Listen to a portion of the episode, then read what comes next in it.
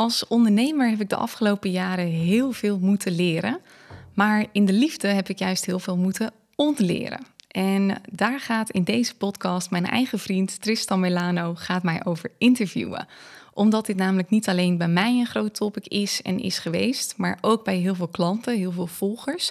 Ik weet dat er vaak van alles speelt op dat gebied. Van nou ja, dat je partner bijvoorbeeld moeite heeft met het feit dat jij heel zichtbaar bent. Of dat nou op Instagram is of op, uh, op LinkedIn of iets dergelijks. Of dat je partner moeite heeft met de financiële onzekerheid van het ondernemerschap. Of juist het feit dat er door jouw bedrijf een groot inkomensverschil is ontstaan. En je merkt gewoon heel vaak dat de partner bewust of onbewust een soort handrem is op je bedrijf. En het is belangrijk om daar een bepaalde modus in te vinden. Want als het niet lekker loopt in je relatie, om wat voor reden dan ook, dan heeft dat direct een impact op je business. En ook vaak andersom. Als het niet lekker loopt in je business, heeft het vaak weer een impact op je relatie. Dus belangrijk onderwerp om weer eens aan te snijden. Tristan en ik hebben dit één keer eerder gedaan uh, in podcast 8. Hebben we het ook met elkaar gehad over het liefde en het ondernemerschap. Dus mocht je dit interessant vinden, leuk om die ook nog even te beluisteren. En verder ben ik net zo benieuwd als dat jij dat bent, want Tristan is de gespreksleider. Ik heb geen idee waar dit heen gaat, dus uh, ik geef graag het woord aan jou ook, lief. Ja, uh, de planning was eigenlijk dat ik de aankondiging zou doen, maar Tineke nam toch even de controle. Dus die, die heb ik haar gegeven. Uh, overgave is nog een beetje een ding. Maar uh, we gaan aftrappen. welkom luisteraars, leuk om jullie te woord te staan. mijn naam is Tristan Milano en ik ben sinds een jaartje of drie de vriend van Tineke. En we wonen nu zo een bijna anderhalf jaar samen. Dus sinds aflevering 8 van de podcast is er wel heel wat veranderd. En uh, met name waar Tineke het over had, dat zij de afgelopen jaren heel wat te leren en te ontwikkelen had als ondernemer, maar in combinatie met het samen zijn met iemand en eventueel het opbouwen van een verdere toekomst, is er ook heel wat af te leren geweest. En we gaan het ook hebben over de effecten die je als partner op elkaar kan hebben. Mensen hebben gevraagd uh, hoe kijk je uh, uit dat je niet je partner verwaarloost uh, tijdens je ondernemerschap of tijdens de verdieping in de crypto, die ook wel heel veel tijd vergt. Hoe ga je om met de advies die je elkaar geeft, soms ongevraagd advies? En als je een mening over elkaar hebt en over elkaars ondernemerschap, hoe ga je daar dan mee om? En ja, de financiële risico's die daarbij komen kijken, daar gaan we het inderdaad over hebben. Uh, de eerste, het eerste onderwerp is uh, het leren en het afleren. Eigenlijk vrij eenvoudig. Wat denk jij dat jij. Uh, wat heb jij de afgelopen tijd moeten leren als ondernemer? Maar vooral wat heb je af moeten leren om een stabiele relatie te blijven behouden tijdens je ondernemerschap? Ja, Goede vraag. Ik, uh, ik heb daar een hele lijst van. Dus wat heb ik moeten leren als ondernemer afleren in mijn relatie? Zo bedoel je hem toch? Ja. Oké. Okay. Uh, leren als ondernemer nou ja, eigenlijk wat hier nu in het begin al gebeurde. Ik wil dan heel graag controle houden. En dan denk ik, oh nee, ik moet even de intro doen. Want anders dan denken ze, wie is die doet opeens in haar podcast? Um, dus dat is ook een ding in mijn business geweest. Loslaten. Um, en niet de hele tijd een soort verkrampt in mijn eigen business zitten. En alles maar zelf willen blijven doen. Maar dingen uitbesteden, anderen vertrouwen. Uh, of überhaupt gewoon even mijn business loslaten. En denken, ja, weet je, het blijft wel gewoon bestaan. Dus dat is echt iets wat ik heb mogen leren, of misschien ook wel ontleren. Weet je, wat, wat is het verschil? En, wat bedoel je met het blijft toch echt wel bestaan? Nou, dat ik had ergens wel een soort overtuiging, tenminste, dat voelde ik niet direct zo, maar dat bleek wel vanuit mijn gedrag. Dat ik wel heel graag gewoon heel veel tijd zeg maar, doorbracht in mijn business. Uh, in de avonden of in het weekend omdat er dan toch een soort angst is van, oh, er kan iets misgaan of iets dergelijks als ik er niet ben. Dus ik moet het in de gaten houden. Weet je, dat, dat er stemmetjes zijn als, oh, straks zit er net een, een mail in mijn inbox van iemand die niet in de training kan. En dat moet ik zo snel mogelijk oplossen. Weet je, dat soort dingen. Um, dus dat bedoel ik daarmee. Ja, wat heb ik moeten ontleren in een relatie? Nou ja, ik heb vooral een, een heel pakket aan overtuigingen meegekregen vanuit mijn vorige relatie. Dat was een relatie van zeven jaar. En ja, die was eerst nogal best wel aanwezig ook in onze relatie. En ik denk dat ik daarin vooral heb moeten uh, leren om mijn emoties er weer te laten zijn. Want in mijn vorige relatie werd dat over het algemeen veel minder gewaardeerd. Ik weet nog dat ik één keer, om even een voorbeeld te geven, ik moest op een gegeven moment bijvoorbeeld huilen. Dat was ergens buiten. Toen liepen we op een terras. Dit was dus met mijn ex. Uh, hij sprak Engels en hij zei toen letterlijk: Stop crying, you're embarrassing me. Dus daar werd dat veel meer onderdrukt. En bij jou is dat veel meer. Jij motiveert dat juist, jij stimuleert juist om alles er te laten zijn. Of dat nou boosheid is of verdriet of weet ik het wat. Dus mijn overtuiging was in het begin veel meer van... oh, daar zit hij helemaal niet op te wachten en ik moet mezelf kunnen redden... en dan ben ik hem tot last. Terwijl dat bij jou juist anders is. Uh, en ook heel erg nodig, want ja, hoe ik het deed, dat was natuurlijk niet heel helpend. Um, wat ik ook heb moeten leren is dat jij het leuk vindt om echt tijd met mij door te brengen. En weet je, voor de luisteraar begrijp me niet verkeerd, dat deed mijn ex in het begin ook wel. Alleen uh, op een gegeven moment, nou ja, een aantal jaar daarvan heeft onze relatie gewoon niet heel lekker gelopen. En toen kreeg ik soms letterlijk uh, zinnen naar mijn hoofd als weet je wel hoeveel geld dit kost om tijd met jou te besteden en niet aan het werk te zijn. Dus ik had ook bijvoorbeeld bij jou, uh, Tris, had ik gewoon veel sneller de neiging om te denken: oh nee, ik ga wel weer naar huis bijvoorbeeld. En heb je nog even tijd voor jezelf of wat dan ook. Uh, terwijl dat hier helemaal niet hoeft. En ja, ik zit even te denken. Misschien kun jij nog wel dingen bedenken.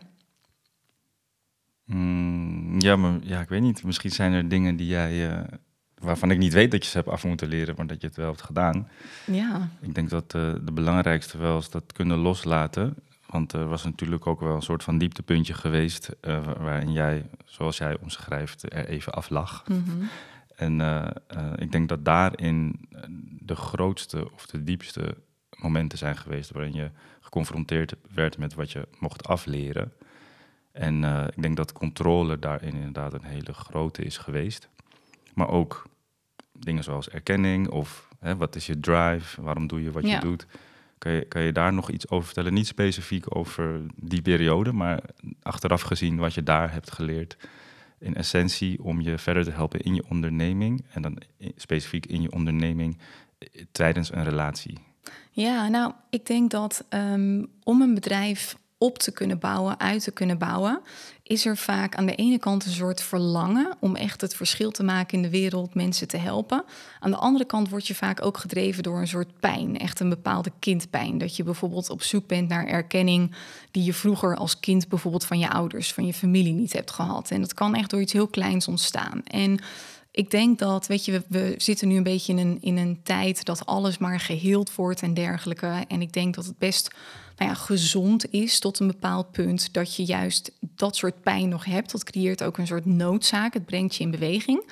En of we het nou willen of niet, maar we worden heel vaak gedreven door een weg van pijnmotivatie. En, en we willen dan bepaalde erkenning vaak. En ik denk dat dat bij mij precies hetzelfde is geweest. Dat ik in het begin ook een soort van ja, weet je, bij mij opgeven staat gewoon niet in mijn woordenboek. Ik bleef gewoon doorgaan en ik ga gewoon net zo lang door tot iets een succes is. Of ik nou linksom moet, rechtsom, rechtdoor, uh, maakt niet uit. Maar kijk, op een gegeven moment heb je dan ook die erkenning. Maar dan ontdek je, oh, die erkenning kan eigenlijk ook nooit genoeg zijn.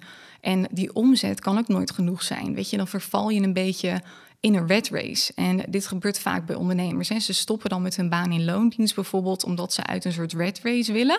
Dus dat ze denken, oh, ik wil niet meer van 9 tot 5 werken voor een baas. En vervolgens vervallen ze al heel snel in een andere red race, maar dan de red race van de ondernemer. En ja, ik heb me daar zelf ook wel uh, schuldig aan gemaakt. Ook al had ik dat eerst helemaal niet zo door. Maar toch steeds een soort van verlangen naar meer, meer, meer. En nou ja, op dat punt kon ik al wel een soort van, met mijn hoofd kon ik er wel bij. Dat ik dacht van nee, maar daar gaat het niet om. En ik wil alleen maar meer, omdat ik meer mensen wil helpen. En ik wil zelf groeien en ik hou daarvan. Maar tegelijkertijd, in die periode, uh, toen ik ook met een psycholoog bijvoorbeeld sprak, kwam ik erachter van ja, maar er zit toch eigenlijk ook nog steeds wel een soort streven naar erkenning. Door middel van geld, door middel van volgers, door middel van complimenten of iets dergelijks. En weet je, op zich is dat niet erg. Dat heeft iedereen wel tot een bepaald punt. Maar er komt een punt dat je te ver daarin gaat. En nou ja, dat gebeurde bij mij. Dan is het ook een soort van bodemloze put. Dus wat het mij vooral heeft gebracht is maar ja, om dat weer meer los te laten. Dus ik, ik merk nu ook, vandaag is een lancering begonnen bij mij. En ja, weet je, het is nu, wat is het, twee uur geleden dat ik een mail heb gestuurd met de deuren zijn open. Voorheen had ik denk ik minstens al uh, acht keer of zo mijn inbox open gedaan om te kijken, zijn er al bestellingen? Ik heb nu nog geen één keer gekeken. Ja. Dus het heeft me geleerd om meer los te laten. En uh, ik denk dat al die dingen die je omschrijft, als je daar helemaal in zit en je gaat links of rechts of uh, omhoog of omlaag om er een succes van te maken, dat dat wat makkelijker is om te doen. Inderdaad, wanneer je single bent. Want uh, die, die ambitie heeft dan geen consequenties voor een partner of een samen zijn of een toekomst samen. Maar die heeft dat voor ons wel gehad. En, en daar gaat het ook over bij de vragen die gesteld zijn: van op welke manier kijk je ervoor uit dat je je partner niet verwaarloost. En er is sindsdien ook heel veel veranderd. Dat is ook terug te zien in de cijfers. Je hebt heel erg ingeleverd met uh, omzet. Uh, door, door praktische veranderingen die je hebt aangebracht in het belang van, van ons samen zijn. En uh, wat, wat is dat dan in praktische zin? Hoe heb je, hoe, op welke manier heb je meer tijd vrij kunnen maken? Of ruimte in je hoofd of aanwezigheid kunnen creëren? Nou, ik heb bijna heel mijn aanbod gewoon losgelaten. Dus waar bij mij de meeste tijd naartoe ging, was eigenlijk al mijn één op één klanten die wel in groepsprogramma's zaten, zoals het Transformers programma of nou ja, een tijd geleden dan bijvoorbeeld ook nog het groeiprogramma. Ik had nog een aantal losse één op één klanten. Daar heb ik bijna iedereen van losgelaten. Dus ik ben nou, ik heb geminderd van een stuk of twintig uh, één op één klanten naar nog maar vijf op dit moment.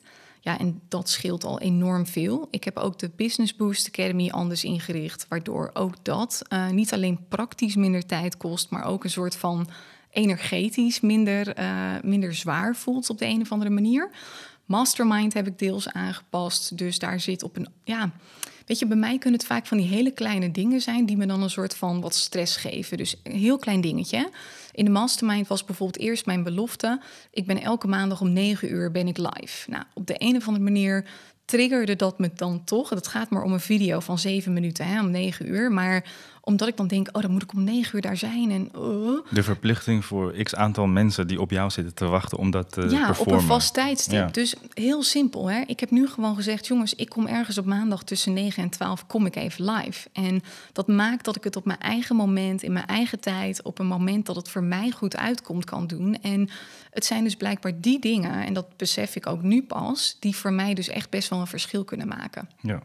En even voor de helderheid, je hoort hier ook uh, aan Tineke de woorden, het leverde me stress op. Dus het is zeker niet de bedoeling geweest van mij om te, te zeggen van ik heb deze en deze wensen en voorkeuren in een relatie en je past je bedrijf maar aan totdat het aansluit op mijn voorkeuren. Maar het was ook echt wel een gezondheidskwestie die we samen in de gaten moesten houden.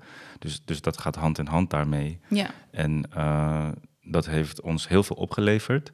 Maar ja, met inkomsten is het ook anders. Ja, en het is, nou ja, wat, wat het is, kijk, elke verandering die je doormaakt, zeker als het een grote verandering is, hè, zoals bij mij, dus echt het loslaten grotendeels van mijn één op één klanten. Dat kan voor jou ook iets zijn dat je operationeel werk of iets dergelijks loslaat, omdat je meer strategisch wil werken. Meestal ga je eerst gewoon één of twee stappen terug, vaak in omzet bijvoorbeeld, maar dat heb je vaak wel weer nodig om daarna ook weer acht stappen vooruit te kunnen gaan. Of dat nou op gezondheidsgebied is of, of misschien zelfs wel inkomen. Dus ik geloof ook dat, weet je, mijn gezondheid is er heel erg op vooruit gegaan hierdoor. Maar ik geloof ook nog steeds dat met dit businessmodel zou ik eventueel juist ook nog meer omzet kunnen verdraaien. Dat is niet nu mijn intentie, uh, maar het kan wel. Ja, omdat je jezelf hebt herzien en ook belangrijke dingen hebt afgeleerd die in een business heel belangrijk zijn maar die dan ook gunstig kunnen zijn voor je relatie. Precies, ja. Is er iets wat je moeilijk vond daarin, om dat, in dat proces? Want je, je omzet daalde met een behoorlijk percentage. Uh, en de impact die je kreeg, om het zo te zeggen, daalde ook. Wat vond je daarin moeilijk en vind je het achteraf gezien het, het waard, die, die opofferingen die je hebt gemaakt? Of hoe zie je dat? Ja, dus met dat ik dingen losliet, dat de impact die ik maakte, dat die kleiner werd. De veranderingen die je hebt uh, toegepast, die hebben je uh, voordelen opgeleverd mm en een verbetering opgeleverd in jouw gezondheid en in je relatie. Maar daarvoor heb je wel opofferingen moeten doen in het bedrijf. Ja. Was dat het waard? Als je oh ja, absoluut. Kijk, um, je krijgt vaak een soort van uh, meerdere signalen. Dus je krijgt meestal wel een signaal vanuit je privéleven of vanuit je lichaam, je gezondheid dat het al verstandig zou zijn om je business bijvoorbeeld een beetje meer los te laten of je gedrag te veranderen. Nou, op, in de eerste instantie voelde ik de urgentie totaal niet. Toen heb je nog oog, soort oogkleppen op. Ja, gewoon een soort oogkleppen. En je denkt, ah joh, dit is een fase. Dat zal mijn ego wel zijn, weet je wel. Ja, of Tristan heeft weer iets. Ja, of die zeurt weer een beetje. Oh, die wil weer aandacht. ja, die wil weer, weer aandacht. Nou ja, dus toen ging ik het nog negeren. En, ehm, maar op een gegeven moment, kijk, dan kom je op een punt dat je denkt, ja, nee, het is voor mezelf is dit ook gewoon niet meer prettig. Ik heb gewoon iets te veranderen. Dus op dat punt, kijk, dan, dan leid je al op een bepaalde manier met je gezondheid. Je leidt in je relatie. En bij mij zorgt dat er altijd voor, of tenminste in deze situatie, dat ik dan mijn business ook totaal even niet meer belangrijk vind.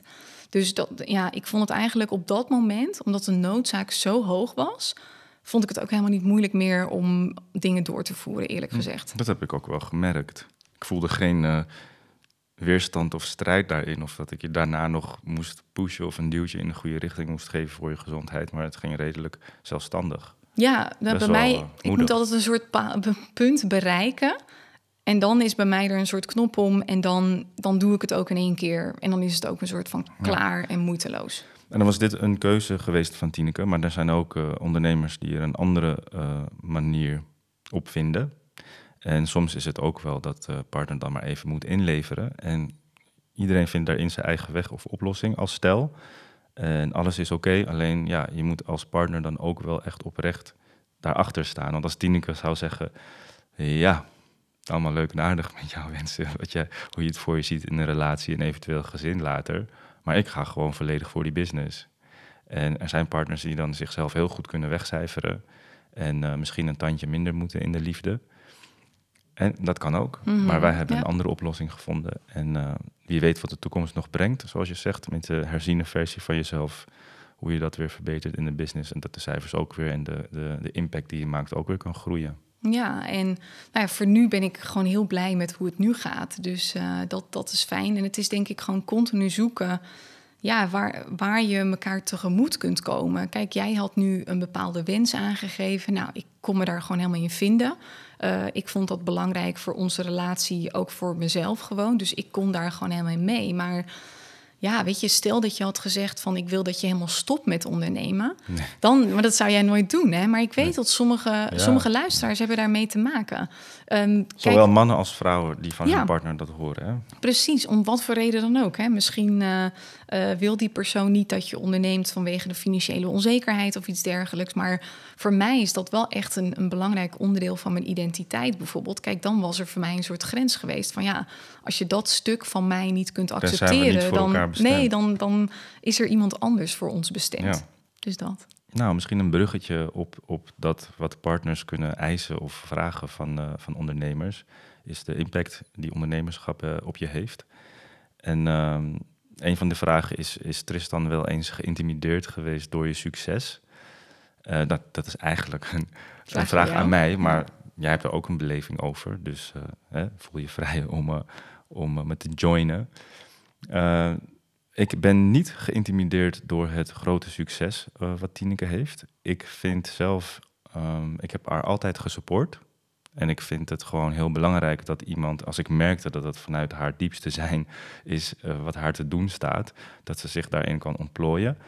Uh, een, een, kanttekening daarbij is wel dat het belangrijk is geweest dat ik daarin ook voel hoe iemand mij deelgenoot wil maken van haar leven als ik echt een soort van afscheiding voelde van ik ben Tineke de ondernemer en daarin heb ik dingen te doen. En jij staat daar buiten van en je moet maar genieten van uh, enige voordelen die ik je bied, weet ik veel, materieel of met een woning. Dan ja, dat zou een beetje vreemd voelen voor mij. Um, maar uh, Tineke heeft op haar eigen manier, weet ze heel goed over te brengen op welke manier ik uh, deelgenoot mag zijn van haar leven en hoe we dat samen dan opbouwen. Um, wat wel een ding is geweest, is het steeds groter wordende uh, gat wat ontstond tussen onze inkomsten. En dat, dat zijn bepaalde triggers die dat bij mij hebben geraakt vanuit mijn eigen opvoeding. Uh, maar ik kan me ook voorstellen dat er heel veel uh, stellen zijn. Kijk, in de geschiedenis van gesprekken tussen mannen en vrouwen over inkomstenverschillen tussen mannen en vrouwen, heb je nooit een vrouw horen zeggen: hey shit man, ik vind uh, dat mijn man eigenlijk te veel verdient. Want meestal is de verstandhouding toch wel zo dat de man de grote verdiener is geweest. En dat uh, heel veel vrouwen dat op een bepaalde manier wel heel chill hebben gevonden, bijvoorbeeld. Uh, of in, in, ieder geval minder problemen daarmee gehad zouden hebben dan, dan mannen dat zouden vinden als hun vrouw heel veel meer verdient. En het is ook een stukje. Um, ja, geschiedenis, historie en traditie in de westerse maatschappij. Hè. als man in je mannelijkheid, vanuit je mannelijkheid, wil je misschien op een bepaalde manier ook de kar trekken.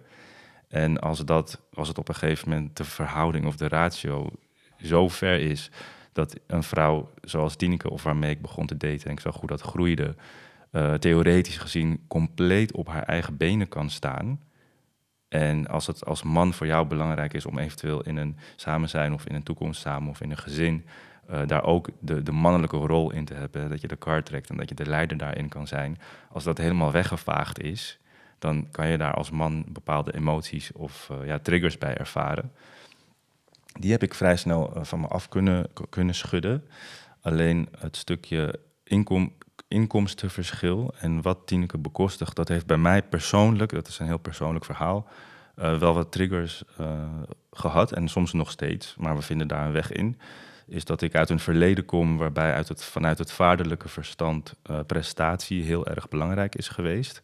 En dan bedoel ik prestatie in de zin van goede opleiding, goede baan, veel geld proberen te verzamelen. En, en, dat vanuit een, vanuit een trauma of pijn van, van mijn vader met armoede.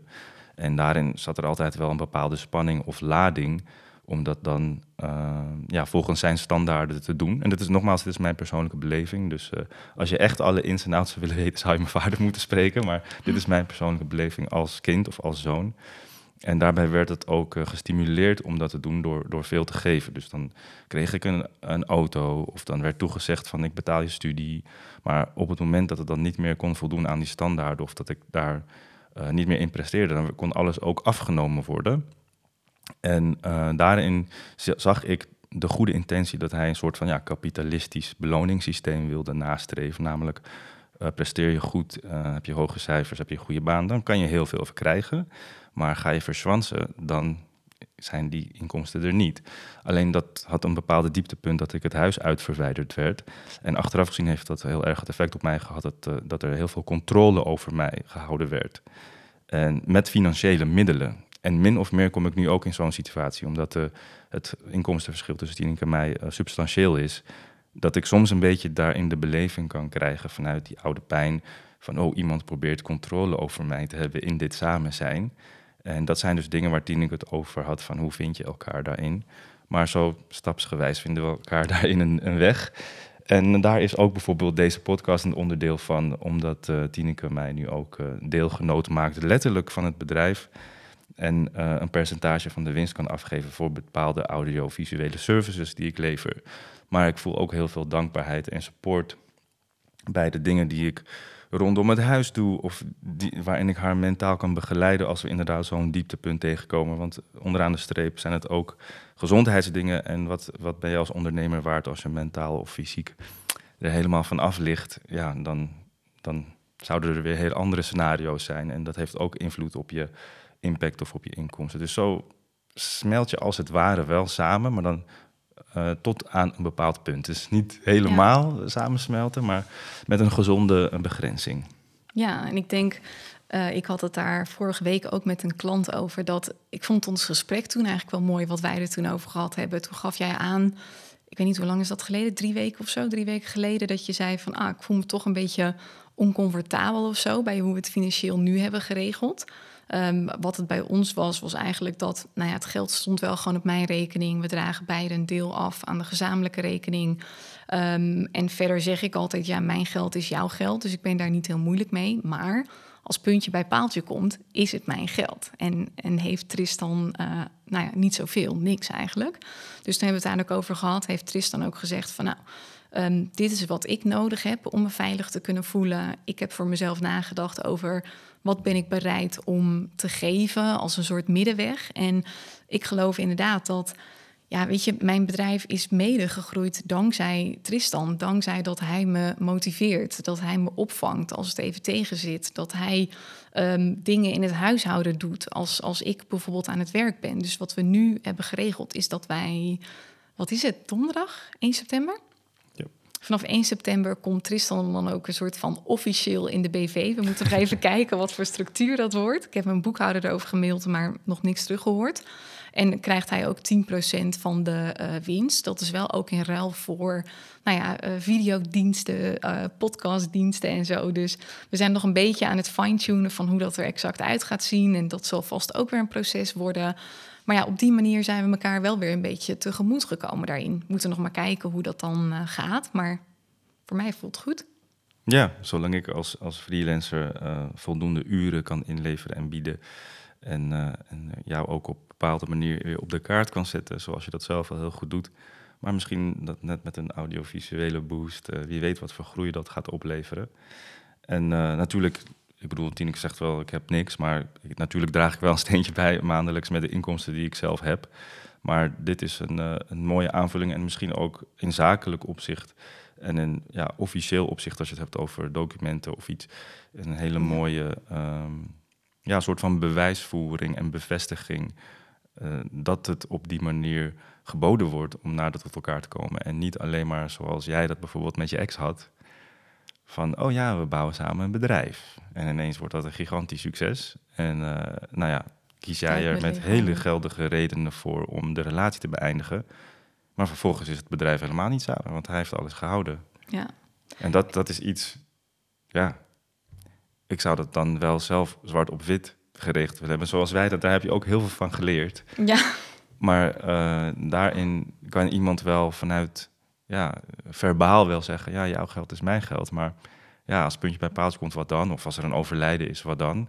En dan moet je wel op een bepaalde manier handig eh, ook, uh, nou, misschien juridisch vast kunnen leggen. Ja, Zodat tuurlijk. het op, op alle lagen, op emotionele lagen, op verstandslagen en verbaal gecommuniceerd, maar ook zakelijk, dat het vastgelegd is. En dan is het, heb je een 360 ja. graden bevestiging van en geruststelling van, nou, hoe zit de vork precies in de steel? Ja.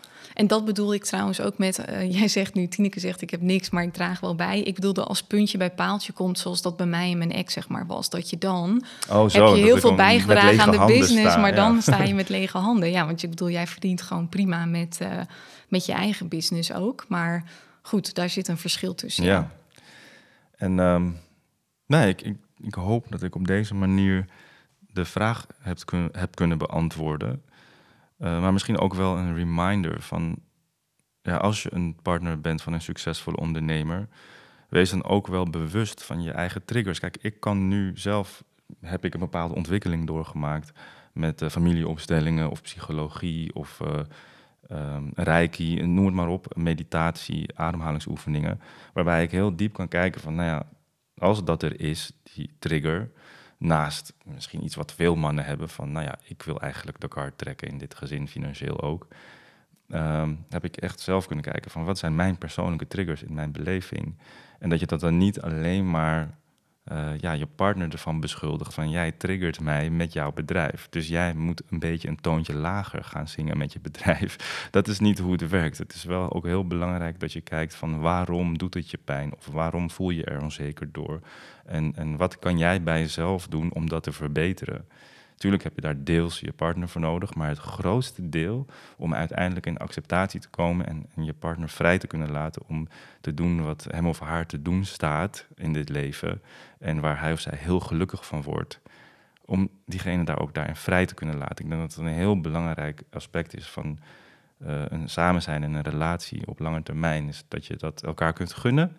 En dat je niet de drang hebt om iemand helemaal te veranderen of te kneden, zodanig dat jij niet meer getriggerd wordt. Dat, is niet, uh, dat lijkt me niet helemaal de bedoeling. En je partner zou er zeker niet gelukkiger van zijn. Nee, en jij uiteindelijk ook niet, toch? Nee, nee maar dan stel, stel je voor, hè, dat ik dan zit me eventjes zo'n soort van ideaal ding te, voor te stellen. Dat ik allerlei triggers en pijntjes heb. En dat ik mijn partner dusdanig ga kneden dat zij helemaal niet meer dat, dat triggert. En dan, en dan heb ik jou geshaped op een bepaalde manier. En dan de rest van ons samen zijn word ik nooit meer getriggerd. Nee. Nou ja. maar dan ben jij helemaal niet meer, meer jezelf. Nee, dan ben ik helemaal anders. Ja. En ik heb wel eens gehad, want ik ben natuurlijk voordat ik jou ontmoette, ben ik een tijdje vrijgezel geweest. En ik weet nog dat ik op een gegeven moment ook met iemand een beetje aan het daten was. En we waren het de hele tijd ook met elkaar eens. En het was alleen maar een beetje een soort, nou, wel leuk en totaal niet elkaar triggeren. En ik weet nog dat hij zei, oh, ik vind het zo fijn en we zijn het zo met elkaar eens. En, en het floot zo makkelijk. En ik dacht alleen maar, oh, ik vind het zo saai. Weet je, er, er gebeurt niet zo heel veel. En ja, ik weet dat als je kijkt naar die zes human needs van Tony Robbins, daar heb ik het allemaal eens over. Een van mijn needs is ook groei. En ja, ik groei ook door een bepaalde weerstand als het ware. Het nodigt me uit om ja, naar mezelf te kijken, om, om zelf weer dingen aan te passen. En ik hou daarvan in mijn business, maar ook, ja, ook in mijn relatie. Ja, en dat gaat Ja. geheel wederzijds. Want hoe meer triggers je ervaart, hoe meer je zeg maar blootgelegd krijgt in waar, waar je nog iets te helen hebt, of waar je nog een oude pijn op hebt liggen, of waar je zelf op vooruit kan gaan. En dat zijn uitnodigingen om dan weer stappen te maken eh, intern in je individuele groei. En dat heeft ook weer positieve effecten op het samen zijn. Ja, en ik denk dat het ook juist heel mooi is als je dat nou ja, wat meer zo kunt zien. Ik denk dat we, we zijn natuurlijk een beetje vanuit alle Disney-films en dergelijke, zijn we een beetje geprogrammeerd van een gezonde relatie is waar je elkaar elke dag in de armen vliegt en oh geweldig en fireworks en weet ik het wat. Maar ik denk dat de meeste relaties dat dat een soort functie is om juist ook elkaar te triggeren, om Ja. samen te kunnen groeien en dat samen een soort van gecommit aan te gaan. Ik vond het laatst zo mooi hoe jij dat zei, Tris. Jij, oh, ik weet niet meer hoe je het zei, maar toen hadden we een soort van, nou, een beetje een woordenwisseling en we zaten beide hoog in de emotie. En ik kan dan wel eens dingen roepen als, ja, je moet gewoon naar een psycholoog en je moet gewoon jezelf laten fixen, en weet ik het wat.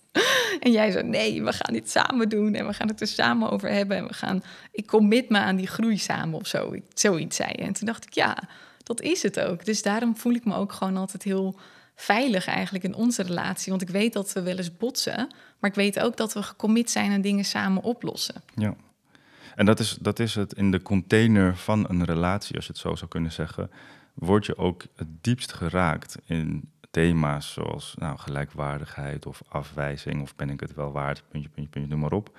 En, en dat, zijn, dat is een container waarin je niet in zit als je single blijft. Als je kiest van, oh, ik ga succesvol ondernemer worden, maar vanuit convenience of eh, omdat ik oogkleppen op heb of omdat ik geen verbinding aandurf, doe ik dat single.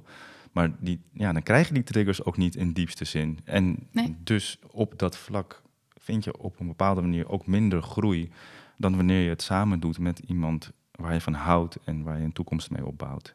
En dat is vaak heel verleidelijk. Hè? Ik zie dat ook veel gebeuren. Dat ehm, ik zie relaties vaak ook stuk gaan omdat dan, dan is er al wat frictie in de relatie. En dan loopt het bijvoorbeeld wat lekkerder in de business. Of niet per se lekkerder, maar je hebt gewoon een business. Daar zit je voldoening, je passie, je purpose.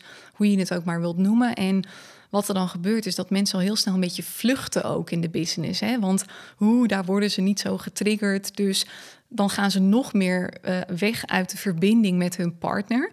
Gaan ze nog meer vluchten in de business. Dan is er ook geen communicatie meer. En als dat er niet is in een relatie, dan heb je sowieso niet zoveel meer.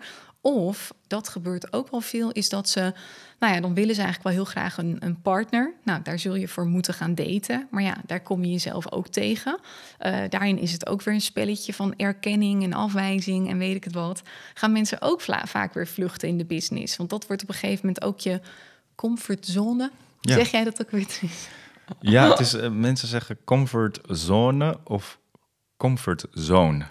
Hè, dat zijn comfort en zone dan allebei op zijn Engels. Maar ik vind zelf comfortzone altijd een beetje apart. Want dan is het comfort in het Engels en zone weer in het Frans Hoe of zeg Nederlands. Jij dan? Comfort Com comfort zone. Ja, gewoon comfort één zone. Engels of Amerikaans okay. woord. Ja. Nou, dan is de business maar, een comfort zone. ieder zo zijn ding. En uh, ja, die, die comfortzone die heb ik natuurlijk ook gezien bij Tineke ook in de relatie. Want dat is een beetje haar toevluchtsoord als dingen misschien op een bepaalde manier tegen hebben gezeten. En dan eventjes naar een, een space waarin, het, waarin ik dingen wel tot een goed einde kan brengen. En Ja. lekker met je business en met je laptopje en je kla- klanten en je, en je, en je producten en je online producten. En dat kan op sommige momenten ook een toevluchtsoord worden. Ehm, om nog heel even kort terug te komen op die verwaarlozing en die ver- veranderingen die er dan zijn geweest. Wat ik dan als partner heb meegemaakt, is dat er. ehm, nou, een bepaalde vorm van afwezigheid is geweest. En dan bedoel ik niet afwezigheid fysiek, dus buiten de deur, maar wel gewoon zoveel bezig uh, met, met bepaalde uh, werkzaamheden dat ik soms een beetje, een beetje een stuk meubilair heb gevoeld. Uh, en ik heb dat voor mezelf een beetje afgetast van is dat iets wat mijn eigen beleving is of weer zo'n trigger is of is, is het uh, fysiek of, of daadwerkelijk zo. En ik heb een beetje voor mezelf bijgehouden in hoe ik Tineke dan aanvoelde in de aanwezigheid. En heb ik daar tijdstippen opgeschreven en dagen in een week. En daarin had je dus ook gezien dat de, nou, tot, zover ik het, tot zover je het een verwaarlozing kan noemen, dat die op een gegeven moment helemaal verdween. Omdat ik gewoon echt kon aantonen van dit door de week zoveel, zoveel uurtjes, vanaf zo laat en zo laat, rond avondeten ben je er dan weer, wat vrij normaal is, want het is een normale werkweek. En, maar dan lag ze helemaal af, omdat ze dan om acht uur al helemaal kapot was. en dan zag ik er maar twee uurtjes. En dan in het weekend soms ook zo druk dat ik haar ook maar een paar uurtjes goed mee kon maken. Maar nu is er heel veel meer vrije tijd, waardoor je dus uh, op, op een veel ja, vertrouwde, constructieve manier naar elkaar toe kan groeien. En dat ik ook een beetje gevoel krijg van, wow, dit is dus de vrouw. Maar dit is dus de vrouw met wie ik te maken krijg in mijn leven. En als het goed is voor de rest van mijn leven. Uh, waarin ik voel dat we uh, elkaars behoeftes kunnen vervullen. Mm -hmm, ja. En, uh, en ik denk dat daarin nou ja, heb ik dan twee dingen moeten leren. Dat aan de ene kant het creëren van de tijd. En de andere Ja. kant ook het aanwezig zijn, echt aanwezig zijn, Ja. niet fysiek, maar mentaal, in die tijd. Ja. En, eh, en, en ja, pff, nog steeds, soms heb jij best wel wat tijd over. En dan zit jij een beetje van, oeh, ik heb veel tijd over. Wat, eh, Zo'n soort klein Wat beetje zo'n doen? onrust Ja. van... normaliter heb je dan iets om handen om je tanden in te zetten met, Ja. met je business. Maar nu leer je ook om, om los te laten en ontspannen. Wat eh, onderaan de streep of over een kwartaal gezien jou heel veel kan, kan opleveren natuurlijk. eh. Zeker. Ik merk, man, dat is zo, zo typisch. Hè? Ik zie dat ook bij mijn klanten. Ze verlangen allemaal naar meer vrijheid, minder hard werken en meer tijd over in hun agenda. Maar ook daar weer, als puntje bij paaltje komt en het wordt gerealiseerd, kunnen ze er allemaal niet mee omgaan. Ik dus eigenlijk ook niet. En wordt het toch weer opgevuld. Ja, dan ga je toch snel weer vluchten opnieuw in die business. En nou goed, ik heb gewoon met mezelf afgesproken. Ik ga gewoon door die weerstand. Ik ga gewoon zitten, niks doen. eh, weet je, Ja. niet in die business. En dat gaat nu steeds makkelijker. Maar ja, dat is echt wel een proces geweest. Ja, want ik kan me best voorstellen dat sommige mensen hier naar luisteren naar dit antwoord en zelf het heel druk hebben met hun business en met crypto en alles in de gaten houden en goede banen te leiden. Want één iemand vroeg letterlijk van hoe zorg je ervoor dat je je partner niet verwaarloost als je het zo daar zo druk mee bezig bent. Maar jij, jij kan dan die switch maken van de noodzaak is hoog, ik moet hier verandering aanbrengen, dan maar een tandje lager. Maar dat is niet voor iedereen even makkelijk. Nee, en Maar- toch, ja, je ziet toch wel vaak dat er op een gegeven moment gewoon iets heftigs moet gebeuren Ja. voordat je dat in gaat zien.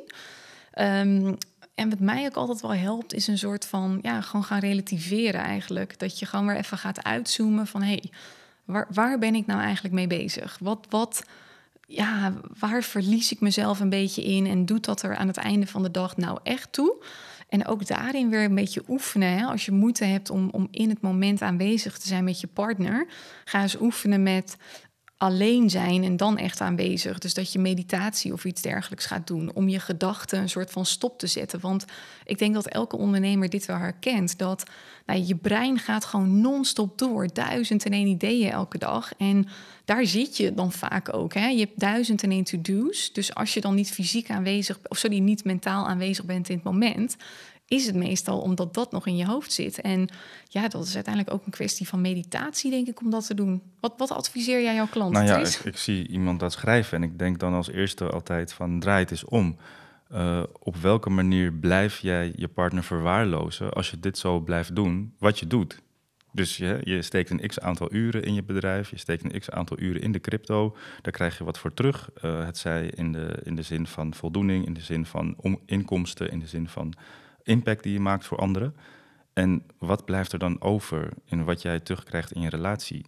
En als je dan kijkt naar de waarde daarvan, voldoet dat dan voor jou ook? En als je dan eigenlijk ziet van, wow, ik krijg eigenlijk eh, minder terug of een minder gelukkige partner terug als ik dit zo blijf doen, wat is er dan voor nodig dat er voor jou de juiste balans ook terugkomt? En dit is dan even vanuit jezelf gesproken als ondernemer, maar een heel belangrijk aspect is ook de behoefte van je partner. Weet je, als, als hij of zij het, moeite, het moeilijk vindt om een duidelijke grens aan te geven of duidelijke behoeften uit te spreken, dan, dan wordt het lastig. Want dan kan jij misschien denken, oh, het gaat prima, het gaat prima, het gaat prima. Maar Mhm. iemand wordt doodongelukkig naast je. Dus check dat ook, van wat heb je nodig? Nou ja, dit en dit, ik kon het heel concreet maken, dit en dit. Ik zie in- over een week gezien, zus en zo, zoveel uurtjes, aanwezigheid. Dit is, dit is wat ik nodig heb. En dan kan jij als ondernemer kan je kijken van tot hoe ver kan ik daarin tegemoet komen. En dan beslis jij weer voor jezelf tot hoe ver is Ja. dat. En als jouw partner dan zegt ja, daar kan ik mee leven, dan is het goed. En als jouw partner zegt daar kan ik niet mee leven, dan moet je kijken, zijn we wel geschikt voor elkaar. En ik denk ook dat dat voor veel stellen best wel eh, nou ja, een interessant idee kan zijn om een soort van vast moment per dag of zo, of per week. Per dag is misschien een beetje veel om daarvoor in te plannen. Want bij ons is bijvoorbeeld Tristan wel heel goed en dingen bespreekbaar maken. Jij komt altijd direct, kom jij met dingen en je hebt echt totaal geen moeite om, nou ja, jij bent niet bang voor confrontatie of iets dergelijks. Je hebt geen moeite om dingen bespreekbaar te maken, maar veel mensen wel. Vaak ook beide in de relatie. Wij hebben het wel eens gehad over bijvoorbeeld bepaalde vrienden ook. En, en dat er dan dingen worden gezegd die de partners zelf van elkaar eigenlijk niet weten. Want dat wordt niet besproken. Ik denk dat het dan slim is om een soort van elke zondagavond of zo eventjes wat vragen samen te beantwoorden. Of wat dan ook. Hè? Dat het een soort vast moment is. En als je dat niet eh, zelfstandig kan, dan kijk dan of je met een mediator kan praten. Ja, Want bij mij is het meer zo van, het lijkt wel alsof ik het makkelijk vind. En ik vind het ook makkelijk om het bespreekbaar te maken. Maar ik denk dan aan de consequentie op lange termijn, als ik het niet doe en dingen zich opstapelen. Wat er dan kan gaan gebeuren, vind ik veel enger. Hè? Als, als er een bepaalde disconnectie ontstaat, of uh, oneenigheid of wrok. De consequenties daarvan vind ik veel enger dan eventjes de moed uh, bij elkaar rapen om iets bespreekbaar te maken. Dus, dus dat is hoe ik het doe.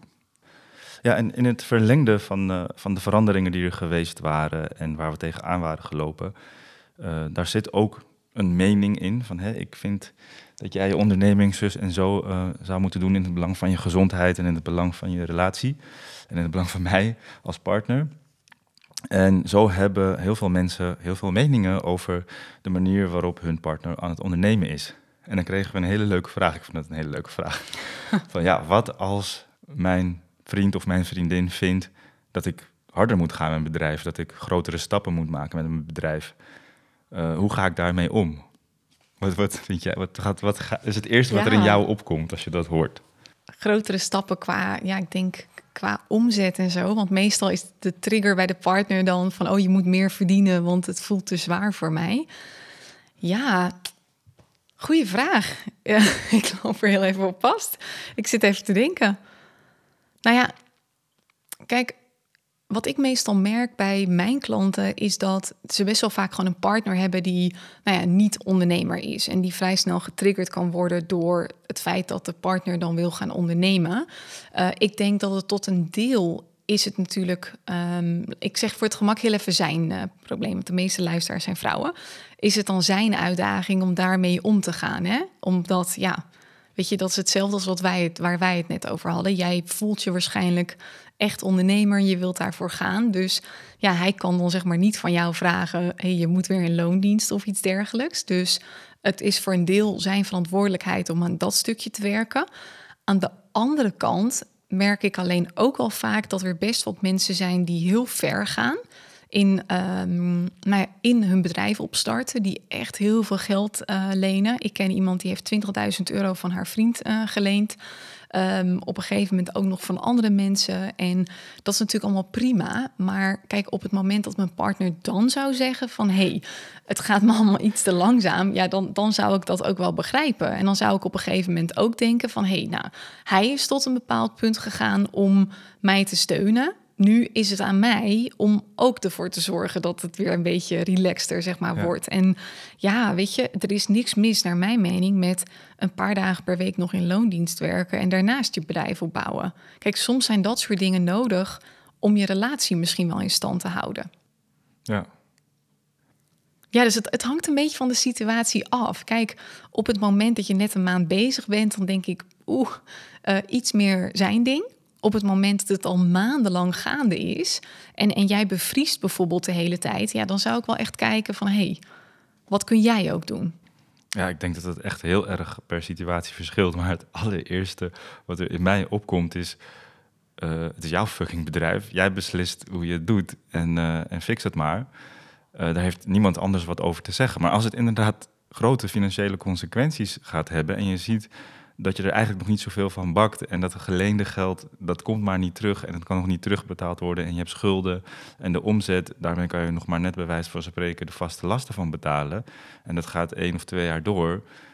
Dan is het misschien een hele goede feedback die je dan krijgt... van ik vind dat je harder met je, met, met je bedrijf moet gaan. Dus het hangt ook wel heel erg van de context af.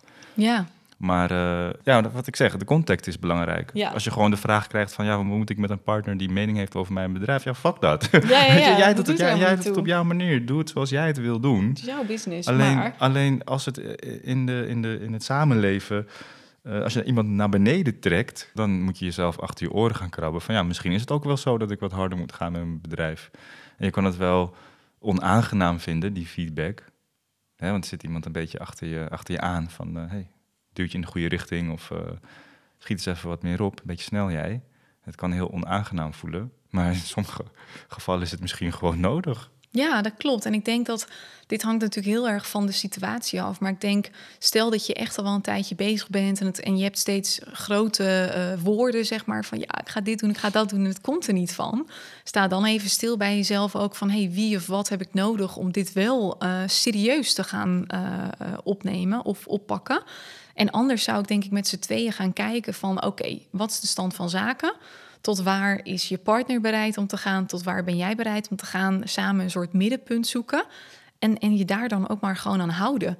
Dus ik heb wel eens bijvoorbeeld een klant gehad, ehm, wiens partner had gezegd, hij had toen gezegd van, ja, ik geef je nog vijf maanden. En, en daarna zul je weer een baan in loondienst in ieder geval bij moeten nemen, om zelf ook financieel verantwoordelijkheid eh, te Ja, dragen. Zo'n grens kan ook heel eh, stimulerend werken. Precies. En ik denk ook dat het ook in de eh, context mag liggen of dat het relatief scheelt als jij kijkt van wat je levensstandaard is. Als je een hele hoge levensstandaard hebt, waarbij je helemaal leeg loopt aan hypotheek en vaste lasten, omdat je zoveel mooie leuke dingen doet. In hoeverre is dat dan ehm, ja, de, de oorsprong van, van de stem van je partner van je moet er harder aan trekken of je moet harder gaan met je bedrijf. Want misschien is er ook een andere oplossing ook wel, dat je een tandje lager gaat. Ik zeg ook wel eens tegen Tineke, kijk, op het moment dat wij eh, op huizenzoektocht waren geweest, heb ik heel eerlijk gezegd, nou, op zich zou een, een rijtjeshuis, eh, misschien als opstartding, of kijken hoe dat samen gaat, zou ik helemaal geen problemen mee hebben. Maar Tineke die had wat grotere dromen en eh, ik heb het vertrouwen erin gegeven dat het wel goed zou komen, ook met haar bedrijf. En dat, dat, eh, dat is ook goed gegaan uiteindelijk. Maar als, als puntje bij paaltje komt en om wat voor reden dan ook Tineke het niet meer redt, of er is iets met de gezondheid, of er is een, een of andere economische crisis, waardoor zij het niet meer redt, dan zou ik het zelf echt geen probleem vinden om niet meer aan het water te wonen en niet meer een twee onder één kap woning te hebben. En kijken hoe we onszelf daarmee kunnen verlichten. Ja. Ja. Zonder dat Tineke helemaal een slag in de rond moet draaien om het, eh, samen met mij uiteraard, eh, maar te bolwerken. Dus, dus kijk ook naar je levensstandaard. Wat, whatever er voor nodig kan zijn om eh, verlichting en vooruitgang te brengen. Ja. En dat is eigenlijk ook weer een mooi bruggetje naar het volgende onderwerp, want dat is advies. Want eigenlijk krijg je dan ook een soort van advies. Hè? Van hé joh, je moet een beetje harder gaan met je bedrijf. Mhm. Ehm, oh, voordat we verder gaan over het advies, eh, daar, ook acceptatie is daarin een heel belangrijke. Want ik ken een stel zelf, een, een goede vriend van mij. Zijn, eh, zijn vriendin is recent deels gaan ondernemen. En ze zien allebei gewoon een gigantisch potentieel daarin, omdat het werk, eh, extra werk, gewoon klaar ligt. En met dat extra werk kan zij de part-time loondienstfunctie laten vallen en veel meer verdienen eh, dan wanneer ze het op deze, eh, deze manier doet. Dus half part-time in loondienst en half ondernemen. Maar er is iets in haar, whatever it is, het, eh, ze vindt het hartstikke leuk bij die loondienst. Of ze durft nog niet volledig de vleugels te spreiden en de veiligheid van de loondienst los te laten. Dat maakt niet uit. Maar die vriend van mij die zit zichzelf een beetje erover op te vreten. Van hallo, eh, als het cijfers die wijzen erop dat wij dit gewoon kunnen doen. En dan eh, misschien ook wel wat meer en sneller de toekomst kunnen opbouwen die we samen willen. Maar ze doet het niet. En dan kan hij als partner zichzelf wel daar steeds blijven over opvreten. Mhm. Maar dat zal ook niet eh, ten gunste zijn van de band tussen die twee of in de relatie. En hij heeft vrij snel heel liefdevol dat, dat los kunnen laten. Want blijkbaar heeft zij haar eigen voorkeur. En hij accepteert dat. En ze hebben gewoon een fijne relatie. En zij is hartstikke gelukkig met het werk wat ze doet en hoe ze het doet. Ja, Dus zij, dat is- zij kan het op haar tempo nu Ja. doen. Ja. En, Maar en- dat is wel grappig dat je dat zegt trouwens, want dit komt ook voor. Hè? Kijk, degene van wie die vraag kwam, die stelde de vraag vanuit, eh, tenminste dat vul ik een beetje voor erin hoor, maar zoals ik het interpreteerde, dacht ik dat haar vriend niet ondernemer is en, en dat hij vindt dat ze sneller moet groeien met haar business. Ehm, Wat? Maar dan heb je helemaal geen recht van spreken als je niet zelf weet. nee, maar dat zou kunnen. Hè? Ik weet, ik weet Oh, misschien is hij ook wel, wel zelf ondernemer. Zit hij een beetje veilig uh, londies te zitten en een beetje met vingertje te wijzen van je moet harder gaan met je Ja, er onderneming. gebeurt veel hoor. ja, maar niet vanuit eh, ik weet dan wel hoe het moet of zo. Maar Nee. meer vanuit, ja, weet je, heel veel, heel veel van mijn klanten bijvoorbeeld, die hadden eerst een baan in loondienst. Vaak best een goede baan. Laten we zeggen 3k netto per maand werd overgehouden. Die zijn gaan ondernemen en die zijn in die zin nog even niks gaan Ja, bijdragen. Nou ja. Maar je hebt het natuurlijk ook andersom, hè? wat jij zegt bij die vrienden. Ehm, ik, ik ken ook een paar stelletjes van wie de man juist heel erg zo is, inderdaad, van ga ondernemen en, en je moet dit doen, je moet dat doen. Dus die wil dan heel graag financieel ook succesvoller worden. En die zien eigenlijk een beetje hun vriendin als het middel om daar te Oh, komen. Hè? Omdat zij gewoon ja, of een bepaalde kennis hebben of ze zitten in een bepaald vakgebied waar die potentie er ook is. Ja. En wat vind jij daarvan? Nou ja, ergens, kijk, ik snap dat ergens. Want iemand in, in het geval van de mensen die ik ken, weten die personen ook dat eh, de, hun eh, partner daar waarschijnlijk heel gelukkig van zou worden. Maar ze weten gewoon, ze is alleen nog een beetje bang. Maar ja, het, het draagt niet bij. Dus een van Nee. de dingen die ik wel vaak dan met mijn klanten bijvoorbeeld bespreek is. Laat iemand los. Want hoe meer iemand dan die druk gaat uitoefenen. en hoe meer iemand soms in de excitement schiet van. Oh, maar er is zoveel potentie, er is zoveel potentie. Hoe meer iemand denkt. Oh, dan moet ik het straks ook waarmaken. En wat als het niet zo is? En weet Ja, ik het wat. dat Ik- druk voelt heel erg druk. ja, ik hou sowieso niet zo van elkaar heel erg bemoeien met elkaars eh, Nee. werk. Ten, tenzij het heel erg welkom is en, en Ja. dat, dat iemand anders daar heel goed op reageert, op die stimulans, dat is wat anders. Maar als, als iemand heel erg, eh, nou dan heb je dat woord weer, getriggerd wordt in, oh, oh ja, oh, hè, soms, soms gaat een, een, een cognitief in een brein gaat het zo ver van, oh, ik moet zo gestimuleerd worden, want ik kan, eh, hij of zij denkt dat ik dat zelf niet kan, of ik, ik kan dat niet waarmaken en daarom heb ik dit nodig. En dan, je weet nooit wat voor eh, knopjes je indrukt. Ja, precies. En dan kom je weer op het stuk eh, eh, gevraagd of ongevraagd advies. En eh, Fleur zei dat heel mooi in een podcast. Een, een kennis van mij die ik vorige week had geïnterviewd. Wait for the invitation. Dus als je de impressie hebt dat jouw partner dusdanig reageert dat ongevraagd advies niet welkom is, doe dat dan ook niet meer. Maar let dan op misschien dat er dan in bepaalde situaties of omstandigheden of in een bepaalde fase wel meer ruimte ontstaat bij je partner. En, en dat je dan eh, zoveel als je maar wil advies kan geven. Want, eh, nou ja, goed, ongevraagd advies, ja. Ik heb er zelf niet echt super veel problemen mee. Maar het is, het is dan ook weer niet zo dat ik daar helemaal naar luister en alles ga opvolgen wat, eh wat Tineke me zegt. Ik bedoel, het is al jaren zo dat Tineke een bepaald potentieel zogenaamd in mij ziet, zoals zij dat zegt. Maar ik nog op mijn eigen manier ook nog bij een, een deel fotografie blijf, wat ik heel leuk vind. En eh, misschien is het zo dat als ik dat fotografie of videowerk helemaal los zou laten en helemaal voor relatie- en datingcoaching zou gaan, dat ik dan eh, een, een veel daverender succes zou kunnen hebben. Maar blijkbaar is er iets in mij wat dat, niet hoeft op die manier. En dan weet ik ook eh, op heel gematigde manier haar, haar advies aan te passen. En wanneer ik wel een beetje de ruimte voel van... goh, misschien zou ik eens een keertje een training zo kunnen, kunnen ontwerpen of opzetten. Hoe zou ik dat dan kunnen doen? Nou, en dan, dan is daar ook ruimte voor en dan, dan geef je dat aan elkaar. Ja, wij hebben echt wel een beetje, nou, een soort ongeschreven regel bijna, dat we elkaar niet te veel bemoeien, zeg maar, met, met eh, de ander zonder dat het gevraagd is. Want ik, ik ben niet voor jou de business coach en jij bent niet voor mij per se de relatiecoach. Tenminste, niet. We hebben natuurlijk samen een relatie, daar ontkom je niet aan. Maar niet op een manier dat ik denk, oh, kom jij als de expert mij even vertellen hoe het zit, Nee. zeg maar. Maar het is wel zo dat de kennis die we wederzijds hebben, dat die ons eh, individueel ook elkaar ja, voordelen kunnen opleveren. Soms, Zeker. soms wat kleiner en soms wat groter. Dus eh, ik zou het ook zeker niet helemaal vermijden. Nee, en ik denk wat bij ons natuurlijk zo is. Kijk, ik zie jou een soort van in actie in onze relatie. Terwijl jij bepaalde dingen doet in onze relatie, denk ik, oh ja, oh, dat is echt heel slim of zo dat hij dat zo doet. Of dat hij daar nu even over begint. En jij, ja, weet je, ik werk hier thuis en jij uh, bent vaak boven. Ja, jij ziet mij in actie. Ja, jij hoort ook heel vaak dus dat ik aan de telefoon kan ben. inspireren op dat vlak. Ja, maar wat ik er nog aan toe wilde voegen, want volgens mij kwam deze vraag van, uh, van iemand die ik ook ken. En zij zei iets van ja, hoe ga je ermee om als je dan zelf een super enthousiast idee hebt voor je business, je deelt dat met je partner en hij komt met allemaal kritiek en, en dat het niet goed idee is en bladibla.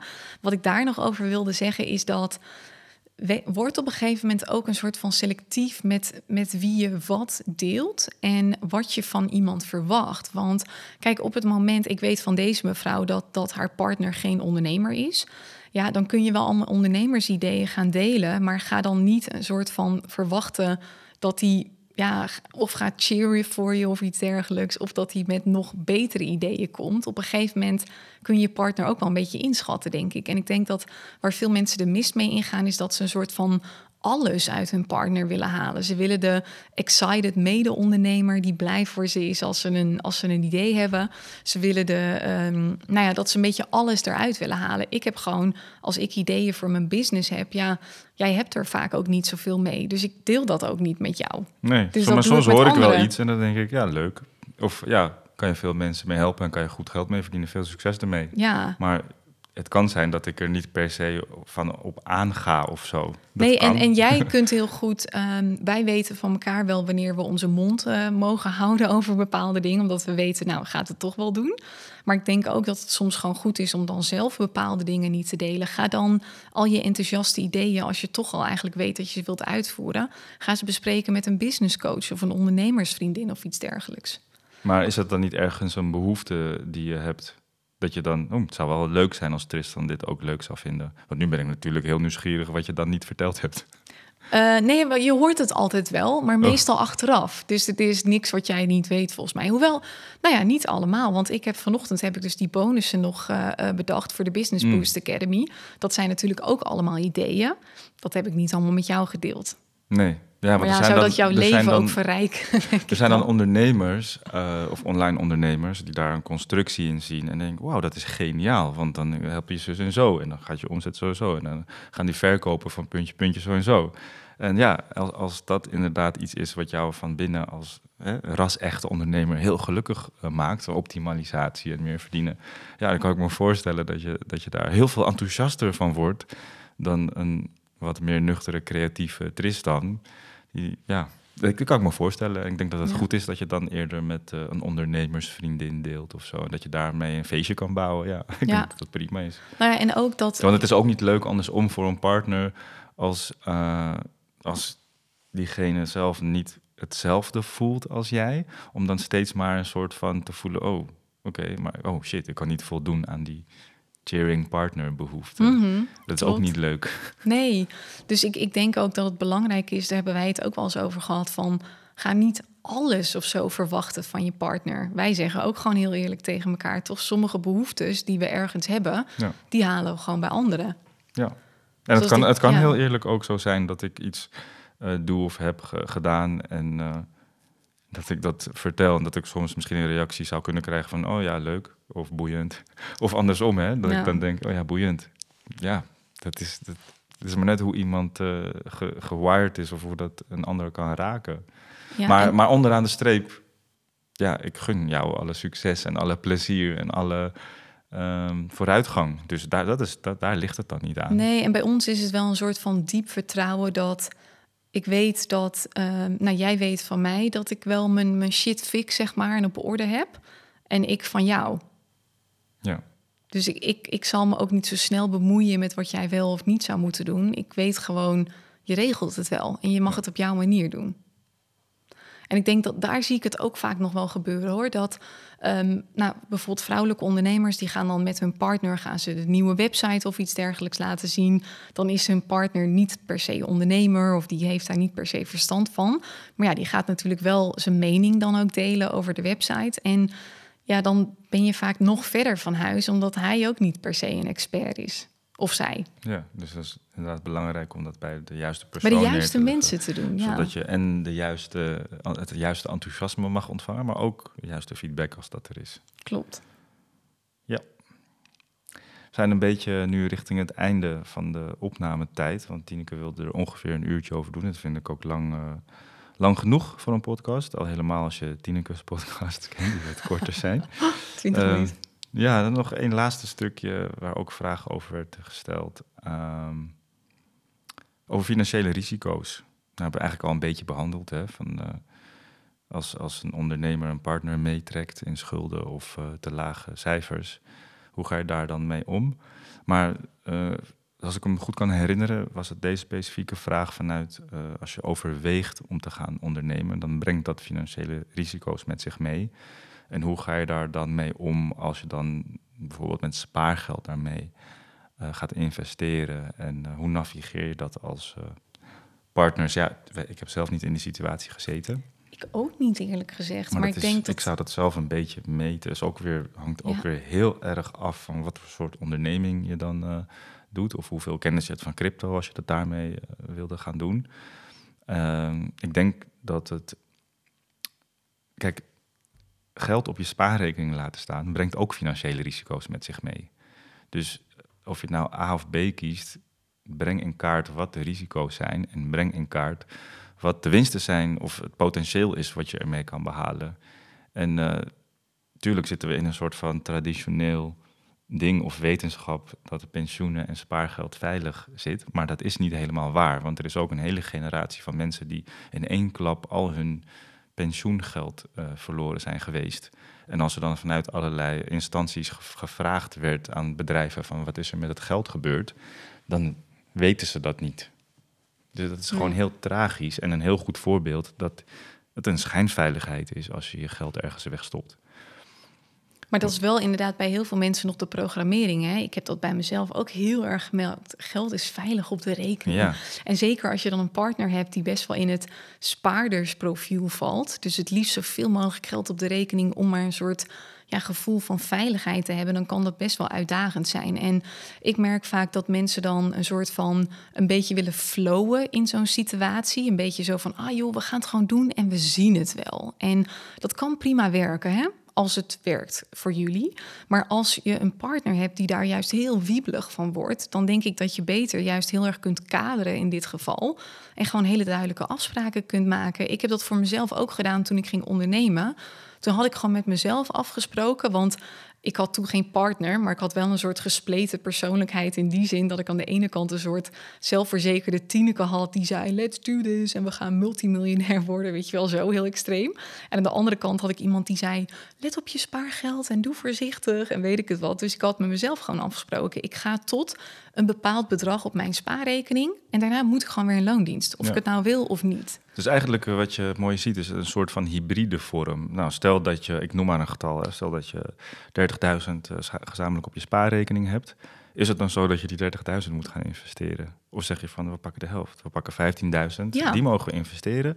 Kijken we wat daarmee te halen valt binnen een kwartaal, binnen een half jaar, binnen een jaar. Eh, valt het tegen, dan hebben we in ieder geval nog die 15.000, als je niet al te veel schulden hebt gemaakt voor de rest. En valt het mee, dan vlieg je misschien ver boven die 30.000 uit en kan je die resterende 15.000 die je op je spaarrekening hebt ook weer erin steken, omdat je dan weet dat het wel goed komt. Precies, ja. En hoe ga je dat dan ook doen? Stel, eh, je partner onderneemt niet en jij wilt gaan ondernemen en je hebt inderdaad, nou, laten we zeggen, weet ik veel, 15.000 euro op je gezamenlijke rekening. Nou, je spreekt af, jij mag daar eh 10k van gebruiken. Is dat dan een lening?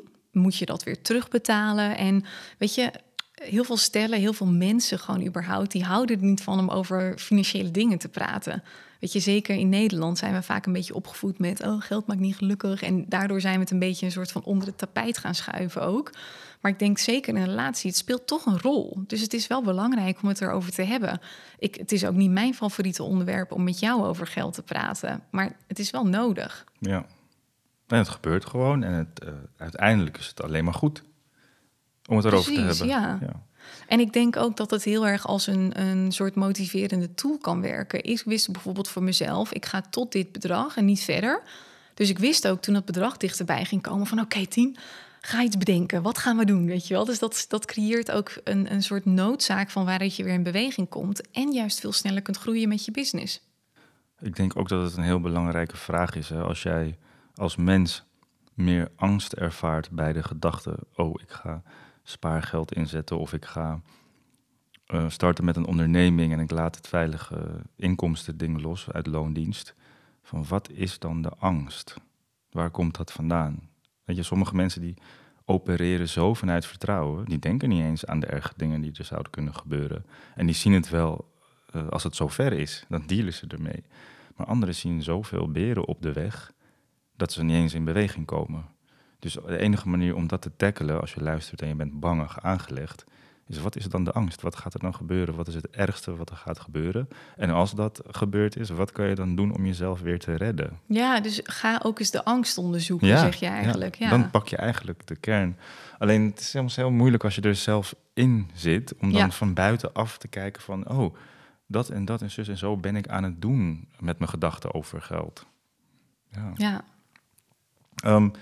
Dit is eigenlijk best wel een mooi bruggetje ook. Want ik zag jou de laatste keer een story maken over. Ehm, ik kreeg een beetje het gevoel alsof je aan het onderzoeken was om, voor het aanboren van een nieuwe doelgroep. Namelijk mensen die, of particulieren noem jij oh, ze. Ja, klopt. Waarbij je eigenlijk waarschijnlijk bedoelt mensen in loondienst.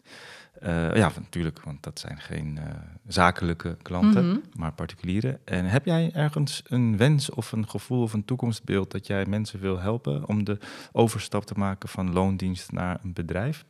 Weet ik eerlijk gezegd niet. Um... Maar die vraag die komt toch niet uh, zomaar? Of was je gewoon nieuwsgierig naar de percentageverdeling van nou, jouw volgers? Nee, ik bedoel meer, ik weet wel ongeveer welke kant ik op wil hoor. Maar ik, jij vraagt, wil je mensen helpen naar het ondernemerschap? Maar ik weet dus niet of dat de insteek zou hmm. zijn.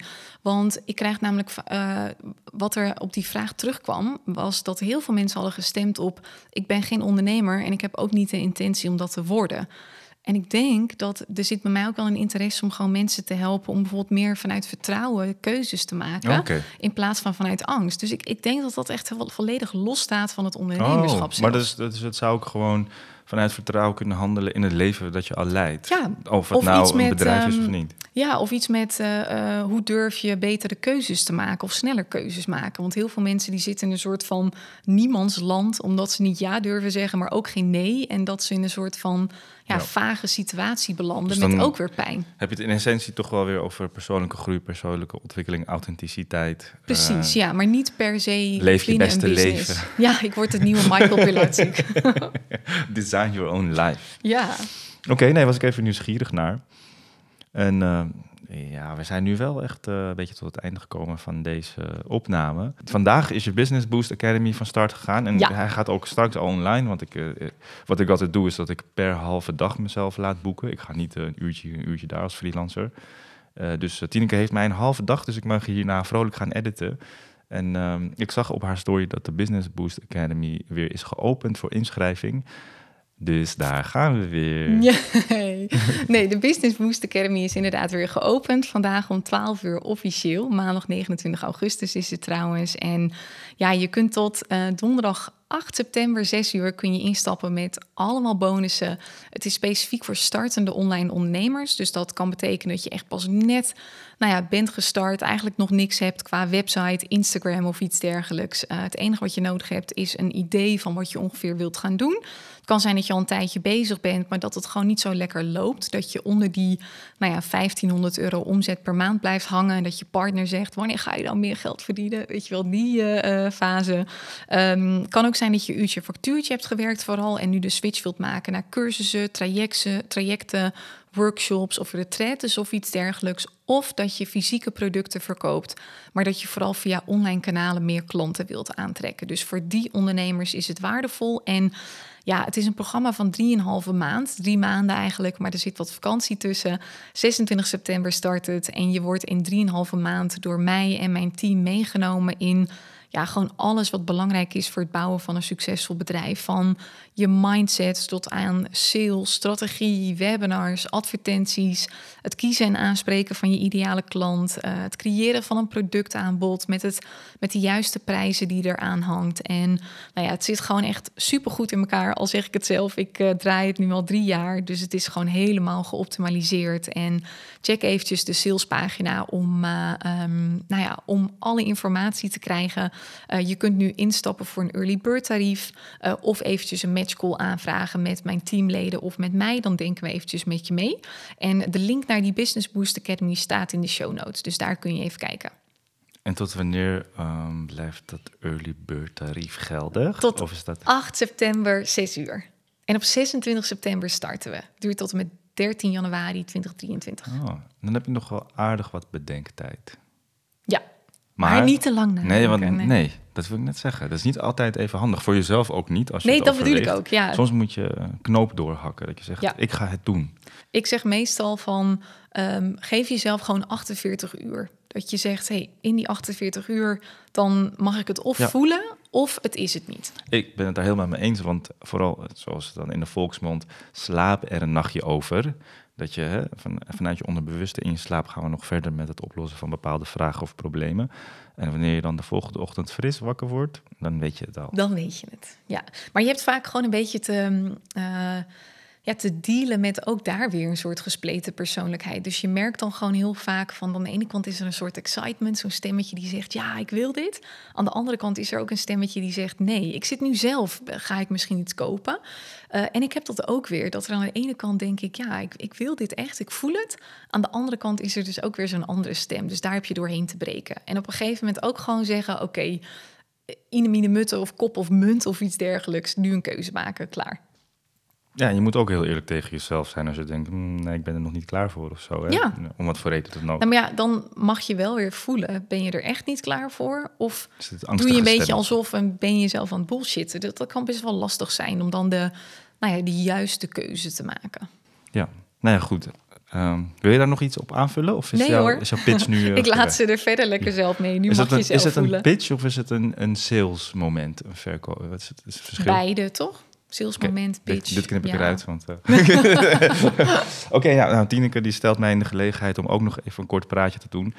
Eh, nou, zoals je hebt gehoord, hang ik bepaalde eh, situaties of omstandigheden graag op aan wat voor invloed heeft dat op relaties of op daten. Ik ben ervan overtuigd dat je van alles kan bereiken en eh, heel veel ambities kan hebben, maar dat je er niet zo heel veel aan hebt als je in het diepste van het diepste een mooi samen zijn verlangt en je dat niet genoeg aandacht geeft om dat mooi te laten groeien. En daarvoor heb ik ook eh, twee trajecten. Ik eh, help mensen die tegen bepaalde patronen aanlopen in een relatie, het moeilijk vinden om daar zelf uit te komen. En dat kan zijn door een historie van bindingsangst of onveilige hechting. Maar wat het ook is, daar komen we eh, per geval achter. En een andere groep die ik graag bedien zijn de singles onder ons. En volgens Tineke zijn er ook aardig wat single ondernemers. En zoals je ook hoorde in het gesprek, dat er aardig wat ondernemers zijn die in dat vlak eh, verstoppen achter hun bedrijf om maar niet in beweging te komen met daten of liefde. Want dat is eng of daar ben je niet goed in of eh, wat voor stemmetjes er ook zijn. Die mensen help ik om te begeleiden om weer in beweging te komen. En dan zo misschien wel de grote liefde van je leven aan te trekken en een mooi samen zijn op te bouwen. En je kan me vinden bij, eh, op Instagram onder naam Tristan Melano. En heel af en toe deelt Tineke ook al wat over mij als het goed is. Of je hebt mijn naam wel eens horen vallen. En ze liet ook weten dat ze af en toe mijn podcast benoemde in haar podcast. Waar Ja, ik heel dankbaar voor ben. Ik ben een hardcore promotor van je podcast. Elke keer dan noem ik hem zo heel subtiel. Oh, dit was in de podcast. Relationele sferen, jongens. Relationele sferen. Daar moet je op zoeken. Ja, en dan hoor ik je graag daar. En eh, nou ja, goed, heel veel succes met eh, deze lichting van de Business Boost Academy. Ik hoop dat je weer eh, leuke en gemotiveerde klanten aantrekt. Ik ook. En eh, ik zou zeggen, jongens, ga ervoor. Want zowel Tineke als ik hebben een hele volwassen leven lang draaien we een onderneming. En wij worden daar heel gelukkig van. Ja, jij al langer dan ik. Tristan is al tien jaar ondernemer nu, elf. Ik nu zeven. Jij toch tien, of niet? Ik weet het niet meer uit mijn hoofd, zoiets. Ja, Ja. Kwijt. Maar ik zou niet, nou, ik zou niet per se zeggen, ik zou niet meer anders willen. Want ik zeg altijd, ik, ik geloof er ook in dat er hele leuke werkplekken zijn waarbij je gewoon super goede collega's hebt, super mooie projecten en uh, leuke bazen hebt, die zijn er ook. Maar voor mij, ja, ik uh, vind het helemaal geweldig. Ja, ik ook. We sluiten hem af met een kleine challenge. Want zo'n podcast is natuurlijk hartstikke leuk en dan raak je vaak geïnspireerd. Maar het is ook belangrijk om kennis te gaan toepassen en er echt iets mee te doen in je eigen leven of je eigen bedrijf. Dus Tristan en ik hebben beide een kleine challenge voor je bedacht. Ik, vanuit business en Tristan vanuit eh, de liefde. Challenge van mij is: we hebben het aan het begin van deze podcast gehad over je business loslaten. En uh, nou ja, niet alleen qua tijd, maar ook gewoon in je hoofd en, en een soort van minder attached zijn als het ware. Dus ik wil je als challenge meegeven. Ga eens op een moment dat je voelt van, oh, ik wil terug naar mijn business, ik wil een soort van controle hebben. En dan niet op het moment dat er ook daadwerkelijk iets misgaat, hè, maar dat dat gevoel gewoon zomaar naar boven komt. Ga dan dus heel bewust iets anders doen. Ga mediteren of ga lekker uh, uh, wandelen of iets dergelijks. Of ga naar een vriendin. En, en breek eens door dat ene moment heen. Daar is het voor mij ook mee begonnen. En wat is dan je advies? Hoe lang of hoe vaak moet je dat nee, doen? Nee, begin gewoon even met gewoon één klein keer. ding. Ja, gewoon het feit dat je dat dan al gedaan hebt. En dan mag je daarna zelf bepalen hoe je daarmee verder gaat. Hè. Je zou pro kunnen proberen, stel dat jij, ik noem maar even iets, hè, minstens vijf keer per week zo'n gevoel hebt, dat je er drie keer per week niet naar gaat luisteren en handelen. En dat kleine stapje kan weer leiden tot... Ja, Later uiteindelijk is het, is het gewoon een kwestie van oefenen met dat soort Ja. dingen. Oké. Nou, ik ben niet zo van dat soort kleine stapjes in eh daten of liefde. Ik ben dan wel van de wat grotere stappen. Ja, en dat is eh, dat sommigen van jullie misschien wel de situatie herkennen dat je een, een eh, leuke of een fijne man of vrouw ziet of ontmoet. Of het nou is in, de, in supermarkt of tijdens een festival. Hè? Ik geloof dat het parade geweest is of nu nog a- aan de gang is.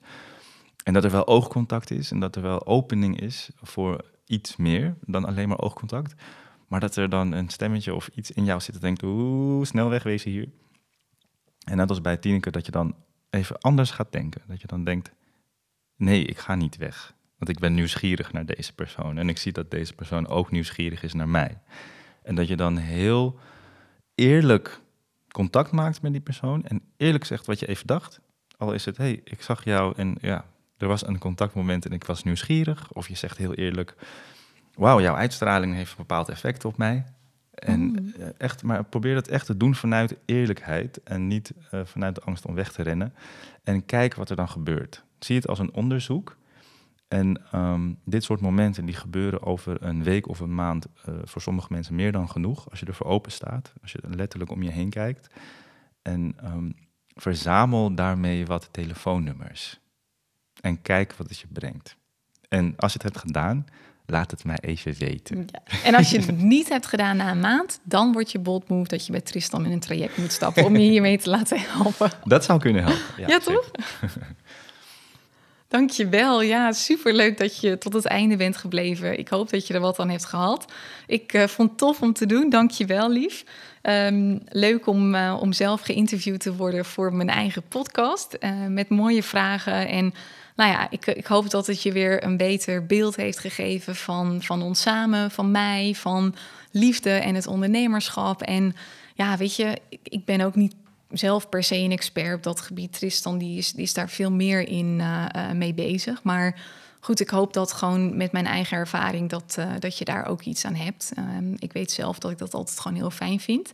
Dus bedankt voor het luisteren. En Tris, jij bedankt voor eh, het Ja, hosten, Heel graag gedaan. Super goed om hier geweest te zijn. En ik hoop van harte dat jullie luisteraars er wat waardevols aan hebben gehad. En eh, wie weet tot een volgende keer. Het was een, had een tijdje geduurd, hè? Want de laatste keer was eh in Koolhaven in Rotterdam. Ja, dat is echt al wel, ehm, ik denk twee jaar geleden. Super bedankt voor het luisteren. Heel erg leuk dat je er was. Bedankt namens Tristan en namens mij. En eh, hopelijk tot de volgende podcast. En succes met je business en de liefde.